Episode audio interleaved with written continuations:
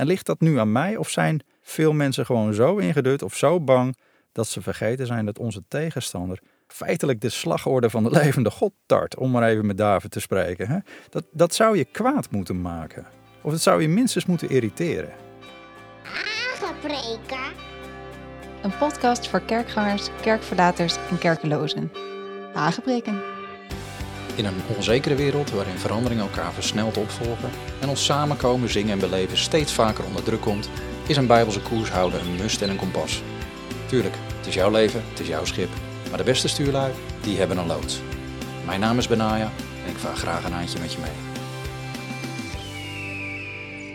Hoi, fijn dat je weer luistert naar Hagenpreken en welkom in de negende aflevering van dit derde seizoen, waarin we kijken naar wat er voor nodig is om geestelijk te groeien en te functioneren in Gods verborgen koninkrijk.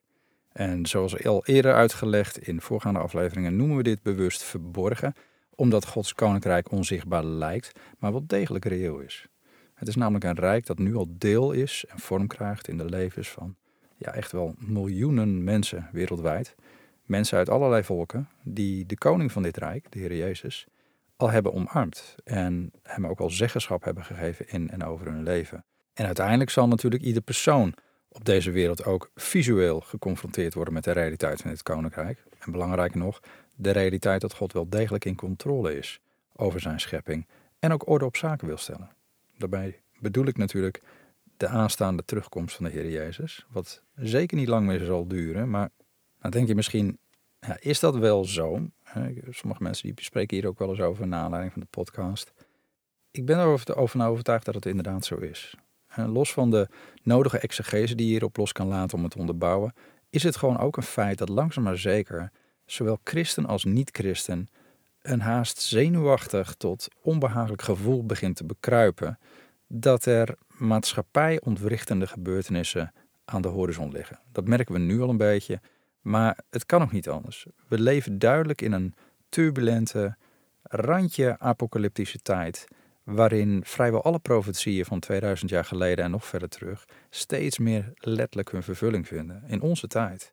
En je kunt bijna uh, dagelijks het nieuws aanzetten en je ziet elementen die daarvan terugkomen.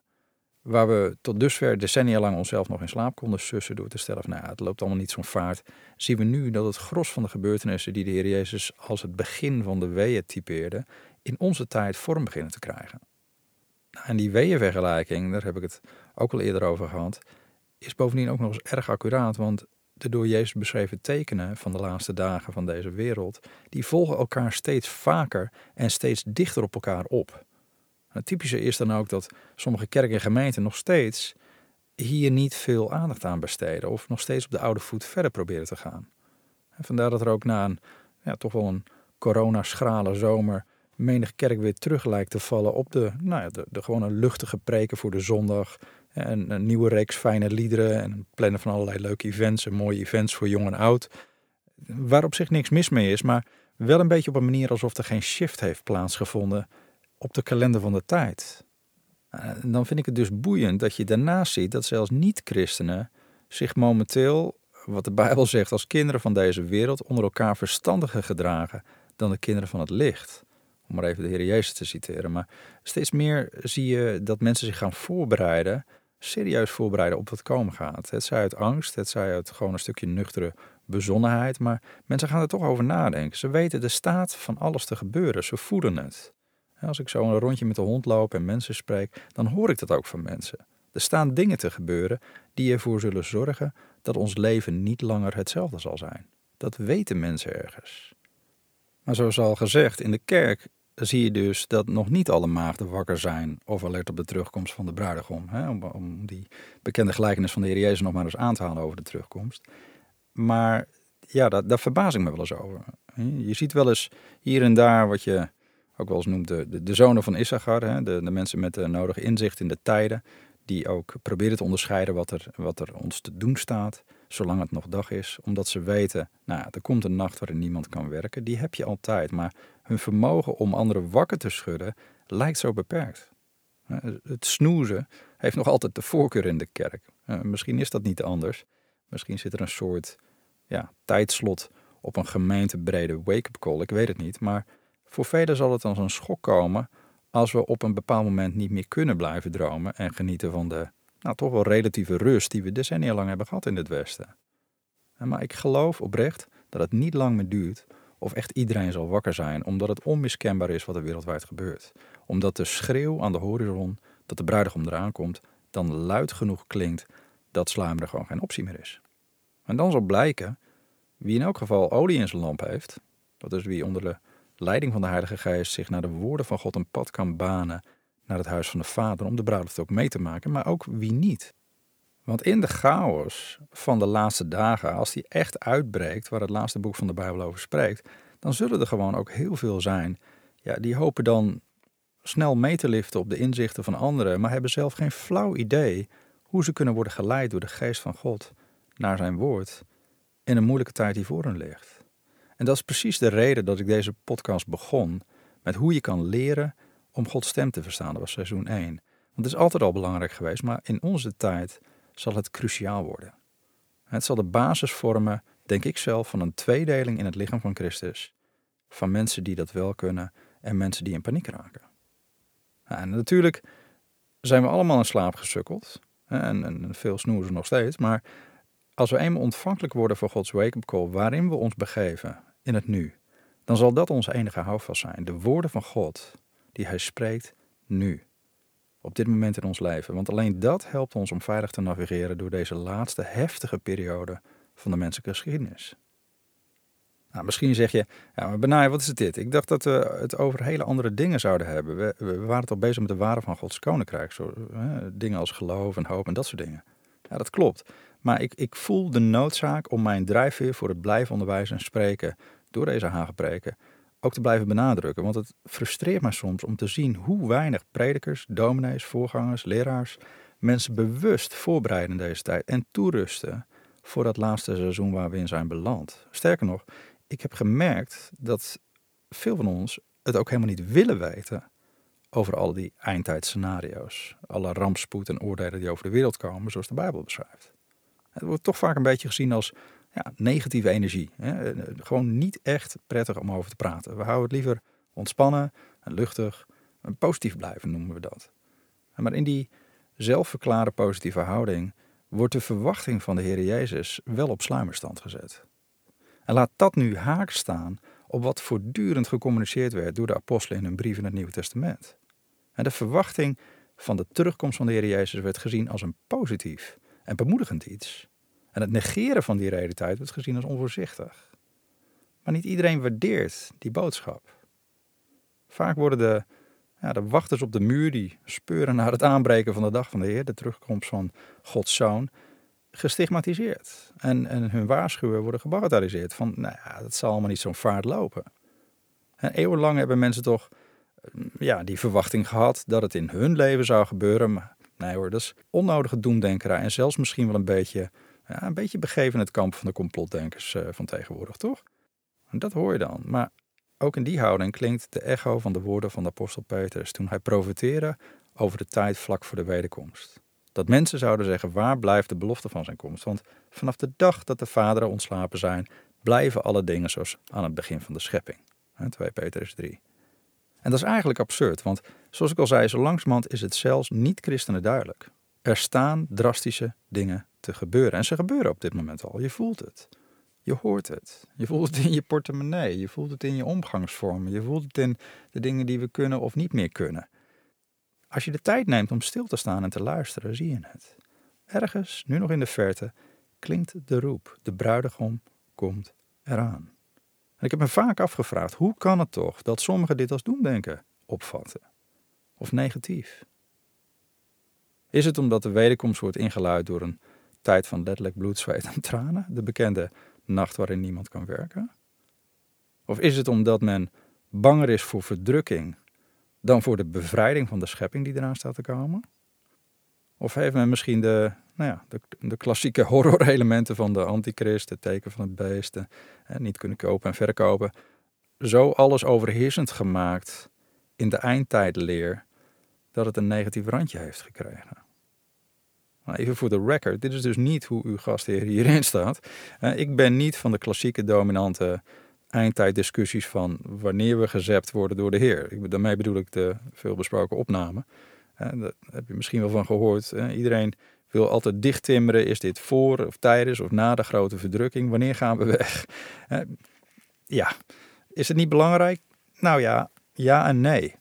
Het is belangrijk om er goed naar te kijken. En ik zou dat ook graag in een andere type podcast voor je doen. Omdat, gewoon omdat ik geloof dat er ook veel bijbeltje prikken alle kampen wordt gedaan om hun stelling te promoten. Maar deze aangebreken podcast is daarvoor niet de plek. Want het gaat een beetje voorbij het Bijbelpierenbadje. Verdient dus meer tijd als 20 minuten tot een half uurtje. Maar belangrijker nog vind ik dat er een juiste focus blijft in deze tijd. Ik hoor namelijk dat veel geloven die hier wel over praten, dusdanig boeken op een snelle exit, dat ze vergeten te werken terwijl het nog dag is. Hun hoofd zit eigenlijk al half in de hemel. En dan zeg ik, who cares wanneer de opname is? Dat is voor, in of na de verdrukking. Alsjeblieft, laten we onze focus houden. Get busy. De tijd tikt door en is bijna om.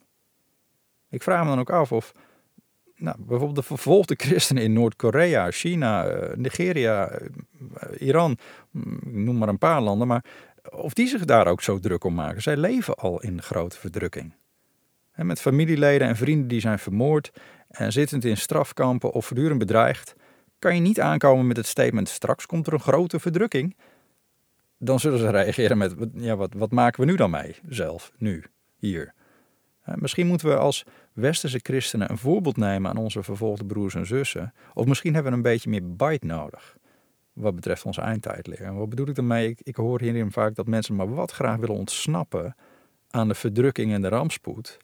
En daarom vergeet men dat het inderdaad ook daarmee game over is. Nou, heerlijk toch, zul je zeggen. Eigenlijk rust, geen pijn, geen zorg meer. Top. Maar is dat het hart van de Vader? Is dat het hart van de Vader die wacht en wacht, omdat hij niet wil dat sommigen verloren gaan, maar dat alle tot bekering komen? 2 Petrus 3, vers 9. Zouden we niet dezelfde mindset moeten hebben? Om mensen te redden van hun ondergang. Om een tegenoffensief te vormen die de heerschappij van onze tegenstander, Satan, terugdringt in de harten en levens van mensen. Want bedenk eens dit: we hebben maar één kans om de duivel dwars te zitten in ons hele leven. Want het leven is nu al eeuwig. Dood heeft geen prikkel meer, maar we hebben maar één kans. Eenmaal bij Christus, eenmaal opgenomen, kan het niet meer. En ligt dat nu aan mij of zijn veel mensen gewoon zo ingedut of zo bang dat ze vergeten zijn dat onze tegenstander feitelijk de slagorde van de levende God tart, om maar even met David te spreken. Hè? Dat, dat zou je kwaad moeten maken. Of het zou je minstens moeten irriteren. Eh, beter nog, het, het zou een verlangen in je moeten oproepen om als een gewillig instrument in Gods hand je te laten vormen en slijpen, zodat je in ieder geval gevaarlijk voor hem wordt. Want opname of geen opname, onze God is wel nog steeds El Gibor, de machtige God, de krijgsheer. Hij is Yahweh Tsebaot, de heer van de heerscharen, van de legermachten. ik weet niet hoe het jou vergaat, maar ik sta liever bij hem bekend als iemand die op actief staat, met een wil om te knokken, dan iemand die feitelijk al is afgezwaaid en het liefst deserteert. Nou goed, zomaar wat gedachten, genoeg kanijnenpaadjes. Maar ik hoop dat je eh, middels hagepreken enerzijds in de blije verwachting van de terugkomst van onze koning kan, kan komen. En aan de andere kant dat ik je genoeg handgrepen en tools kan toespelen om wel met overtuiging je geloof uit te leven. En op een manier die de rijkdom en de waarden en de principes van Gods verborgen koninkrijk zichtbaar maakt voor anderen. Want er zijn er te veel die de Heer Jezus nog niet hebben leren kennen.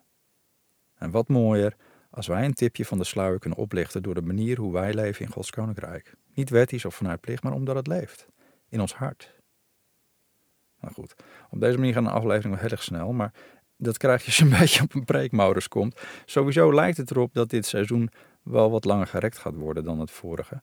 Want net als het eerste seizoen blijkt weer dat op het moment dat je ergens een vergrootglas opzet, dan ga je steeds meer zien. Zo dacht ik dat binnen dit thema, nou, eerst maar eens wat afleveringen zou wijden aan de bekende waarden geloof, hoop en liefde, hè, 1 Korinthe 13. Maar de eerste waarde hoop had wel meerdere sessies nodig. En geloof heeft ook zoveel functies, dimensies en toepassingen. Zoveel lagen die we kunnen afpellen om, omdat we de kern, de essentie willen pakken. Dat het bijna een aparte podcast verdient. Ja, dat gaan we natuurlijk niet doen, maar het zou beslist kunnen. En er komt ook nog bij dat geloof misschien wel een te gemetseld onderdeel is van ons christelijk leven.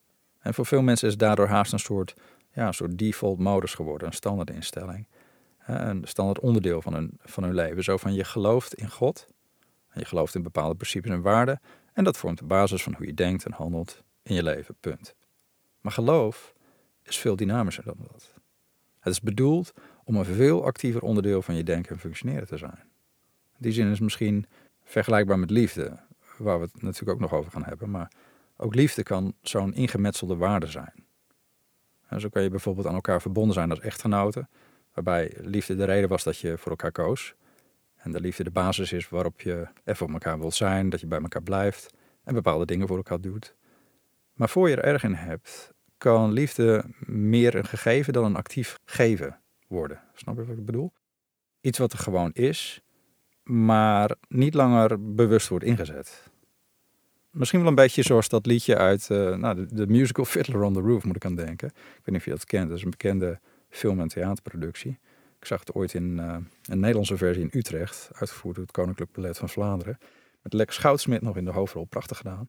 Maar in deze musical zie je hoe de verliefde dochters van de hoofdrolspeler, Reptevje, de traditionele vormen van uithuwelijking aan hun laars lappen. Omdat ze willen trouwen uit liefde. Uh, dat was een no-go binnen de Joodse gemeenschap in Rusland destijds. Dat wordt voor je geregeld. En toch zullen ze het in dit verhaal allemaal doen. Met de nodige gemengde en soms boze gevoelens van hun uh, papa en mama.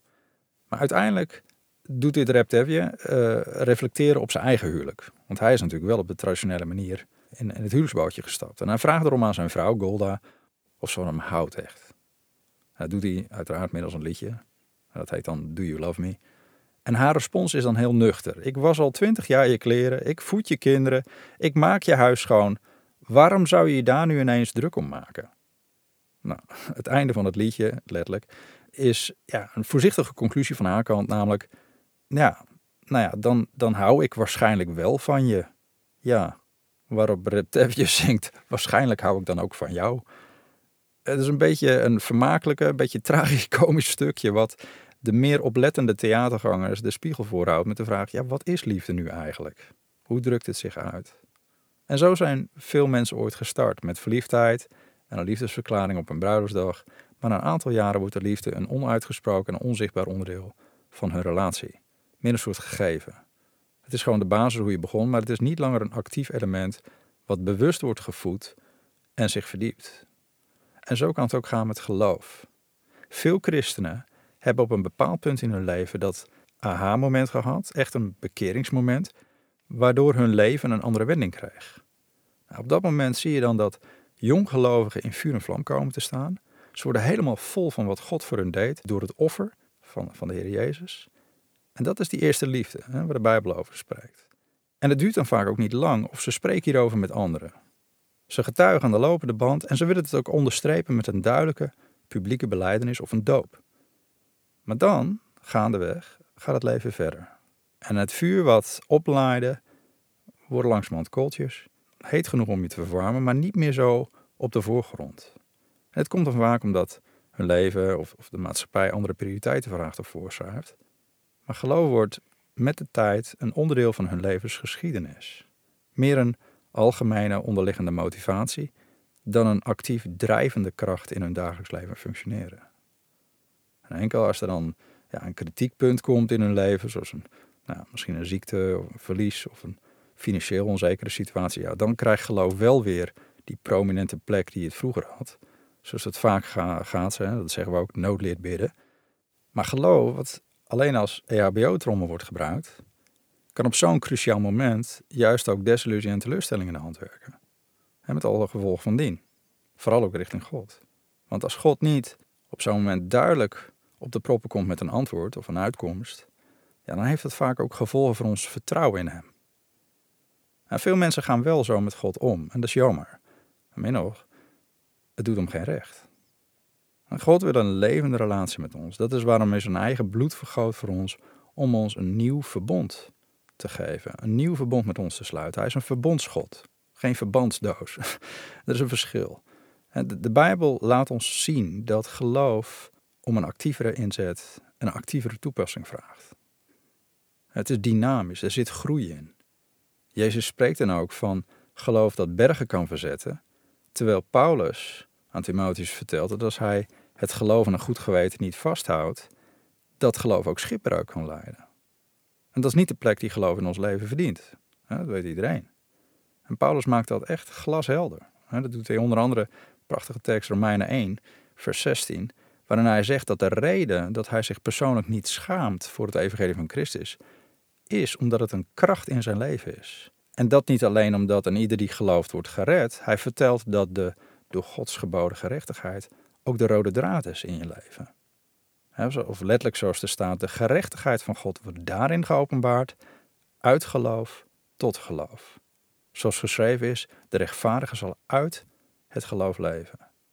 Anders gezegd, als we gerechtvaardigd zijn door God, dan zal dit moeten blijken uit een leven van geloof tot geloof, want dat doen rechtvaardigen.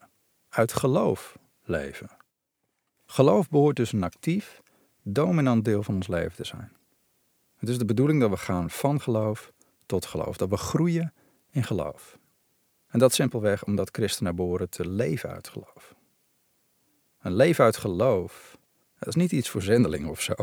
Dat zeggen mensen vaak. Hè? Als, als iemand alles achterlaat om de zending in te gaan, dan gaat hij helpen in weeshuis ergens in Afrika of bijbels brengen, onderwijs geven in, in gesloten landen in Azië. Er zijn tal van stereotypen. Dan wordt gezegd, hij of zij leeft uit geloof. En wat men daarmee bedoelt is, hij of zij heeft geen salaris meer van een werkgever, maar moet nu leven van giften. Nou moet ik zeggen, vraagt het inderdaad ook wel om geloof aan de kant van de zendeling, of de prediker of veldwerker. En dat komt dan vaak omdat de mensen die gewoon een salaris krijgen, niet eens beseffen dat er een bepaalde norm geldt in het Koninkrijk van God, namelijk dat degene die het evangelie verkondigt, in woord en daad, niet aan het lijntje gehouden mag worden door de rest van de thuisblijvende deel van de geloofsgemeenschap. Paulus zegt, de, de dorsende os mag niet gemuilband worden, gewoon omdat de werker zijn loon waard is. En helaas, omdat een groot deel van het lichaam van Christus van mening is dat het ondersteunen van dit soort werkers optioneel is, gaat bij veel zendelingen, sprekers en veldwerkers onnodig veel energie zitten in het geloven voor financiën, zodat ze überhaupt gehoor kunnen geven aan wat God tegen hen zei, hè, aan de grote opdracht. Maar de hele mindset dat dit soort fulltime werkers uit geloof leven, is dan ook wel een beetje jammer. Eigenlijk gewoon een beetje kortzichtig als ik heel eerlijk ben. Want het impliceert namelijk dat degenen die dit niet doen, zelf wel hun inkomen kunnen veiligstellen. Of in elk geval hun inkomen kunnen genereren op een manier waar geen geloof voor nodig is. Nou, mocht jij denken dat je geloof voor financiën kan worden vervangen met de zekerheid van een salarisvergoeding, think again. Je kan nog van een hele koude kermis thuiskomen, vooral in deze tijd. En de onzekere tijden die we tegemoet gaan. En misschien voer je het zelf ook al een beetje aan. En vlak voor de wederkomst van Christus zal dat nog lastig worden. Tijden veranderen. En tijden veranderen maar wat rap vandaag. Er staat een enorme schaarste, dat zo doorgaat economisch, een berg van haast onbetaalbare rekeningen aan onze horizon. Dat is geen doemdenkerij, dat is nuchter realisme. We merken het nu alleen nog in de brandstofprijzen en de boodschappenbonnetjes en de energierekening. Maar wat als het waar is? Waar de mensen in het politieke pluche ons op lijken voor te bereiden. Wereldwijd klinken vanuit allerlei leiderschapskringen dezelfde kreten. En we horen het al eerder, we gaan niet meer terug naar het oude normaal. En het gaat verder als corona. En minister Macron die waarschuwde de Fransen onlangs al dat overvloed ten einde loopt en dat zware offers zullen moeten worden gebracht.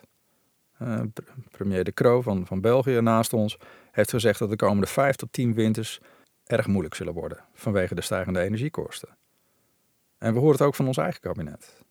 En daarbij min of meer de boodschap: we kunnen jullie niet helpen. Het is nou eenmaal zo.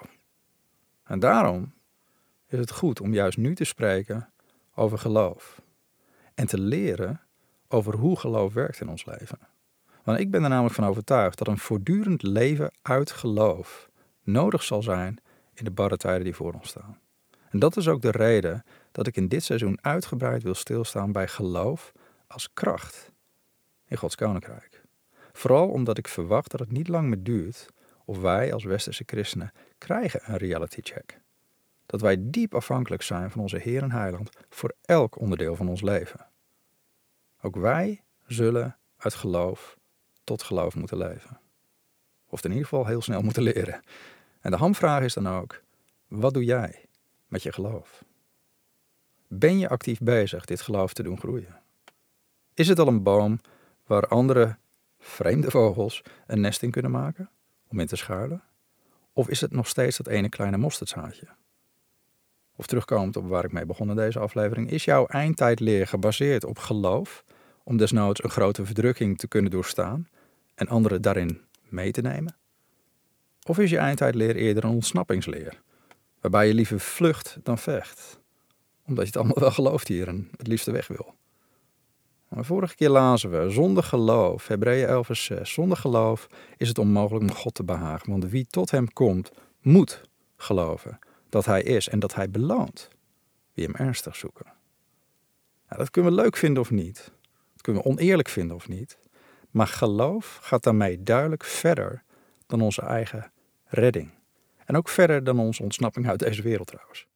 Geloof is kennelijk de modus operandi, de manier van leven en functioneren in het koninkrijk van God. Want wie tot God komt, moet geloven dat Hij er is en dat Hij een beloner is voor wie Hem ernstig zoeken.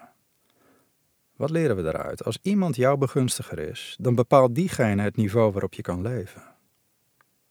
En diegene, God, heeft bepaald dat geloof daarin essentieel is. Dat betekent trouwens niet dat geloof meteen van een bergverzettend kaliber hoeft te zijn. Hij beloont wie hem ernstig zoeken. Nou, misschien is dat goed om even als laatste te noemen, dan gaan we de volgende keer gaan we hierover over verder. Het kan zijn dat je al stap in geloof hebt gemaakt, maar daarmee nog maar amper je levensschip uit de schipbreukzone weet te houden. Zover ben je dan. Misschien vraag je dan af wat als mijn geloof niet groot genoeg is. Laat me dan geruststellen, dat is oké. Want ik moet meteen denken aan wat de Heer Jezus zei tegen de vader wiens zoon geplaagd werd door een demon. En Marcus 9 lees je dat. Een demon die de discipelen er niet eens konden uitwerpen. En toen maakte Jezus de klassieke opmerking: Als u kunt geloven, alle dingen zijn mogelijk voor wie gelooft. Nou, als je dat zo hoort, dat geeft de indruk van een soort carte blanche voor een ieder die dit lukt of zo. The sky is the limit, mits je maar gelooft. En toch moeten we dit meer als aanmoediging zien dan als eis van onze Heer Jezus. Want het blijkt namelijk uit de rest van het verhaal. Het mooie is namelijk dat er staat in het volgende vers dat meteen de vader riep onder tranen: Ik geloof, Heer, kom mijn ongeloof te hulp. Maar daarin proef je de wanhoop. Deze vader wist dat hij niet kon tippen aan zo'n groot geloof. Dat bergen verzet. Dat was sowieso de reden dat hij zich had gewend tot Jezus. Anders had hij het zelf wel kunnen bidden en was zijn zoon genezen, was zijn zoon bevrijd. Natuurlijk greep de Heer Jezus in. En hij zette de jongen vrij van zijn demonische bezetting. Want de Heer werkt met wie we zijn en waar we zijn qua geloof op het moment dat we hem ernstig zoeken. Net als deze wanhopige vader zal je momenten in je leven hebben dat je misschien niet genoeg geloof hebt, of misschien net genoeg geloof hebt, om te weten dat de Heere Jezus de enige is die je kan redden uit een bepaalde benauwdheid of ellende. Maar dat is het ook wel zo'n beetje. En wat onze God dan zo geweldig maakt, wat zijn vader had zo mooi uitdrukt, is dat hij dan ons mosterdzaadje van geloof pakt en kijkt naar je ernstig zoekende hart naar hem en alsnog uitkomsten wil geven. En uiteraard besef ik me ook wel dat soms dingen ook anders lopen. Ook ik heb soms ernstig gezocht en geloof naar vermogen en huilend gevraagd aan God om dat laagste stukje ongeloof aan te vullen met zijn geloof, om vervolgens niet te verkrijgen wat ik gevraagd had aan hem. En ook dat is realiteit. Want geloof is niet een formule. Het is niet een soort instrument wat je inzet, waardoor je de schakel omzet om dingen te krijgen van God. Nee, geloof is, zoals ik vorige keer al uitlegde vanuit de Griekse betekenis, in essentie hetzelfde als vertrouwen. Gaandeweg heb ik in mijn leven ontdekt dat geloof niet de sleutel is tot gebedsverhoringen. Dat belangrijk dit. Geloof is mijn verklaring aan God dat ik Hem vertrouw, ongeacht de uitkomst van hetgeen ik in geloof van Hem gevraagd heb. Ook ik heb een lijstje vragen als ik straks bij God kom. En dan met name vragen over dierbare vrienden en familie waar ik in geloof voor bad, die het niet hebben gehaald. En toch vertrouw ik erop dat God niet verrast was met een overlijden. Of ervan baalde dat zijn handen gebonden waren omdat ik net niet genoeg geloof kon genereren zodat hij kon genezen. Of dat hij door gebrek aan genoeg geloof helaas op een plan B moest overschakelen. Nee, geloof is geen succesvolle gebedsverhoring. Geloof is vertrouwen. Maar durf je hem te vertrouwen? Wat ook de uitkomst is van de situatie. Dat is geloof. Maar hoe dat geloof begint, en hoe het groeit en wat het voedt, daar gaan we de volgende keer over hebben. We blijven luisteren, blijven koers houden naar het woord van God.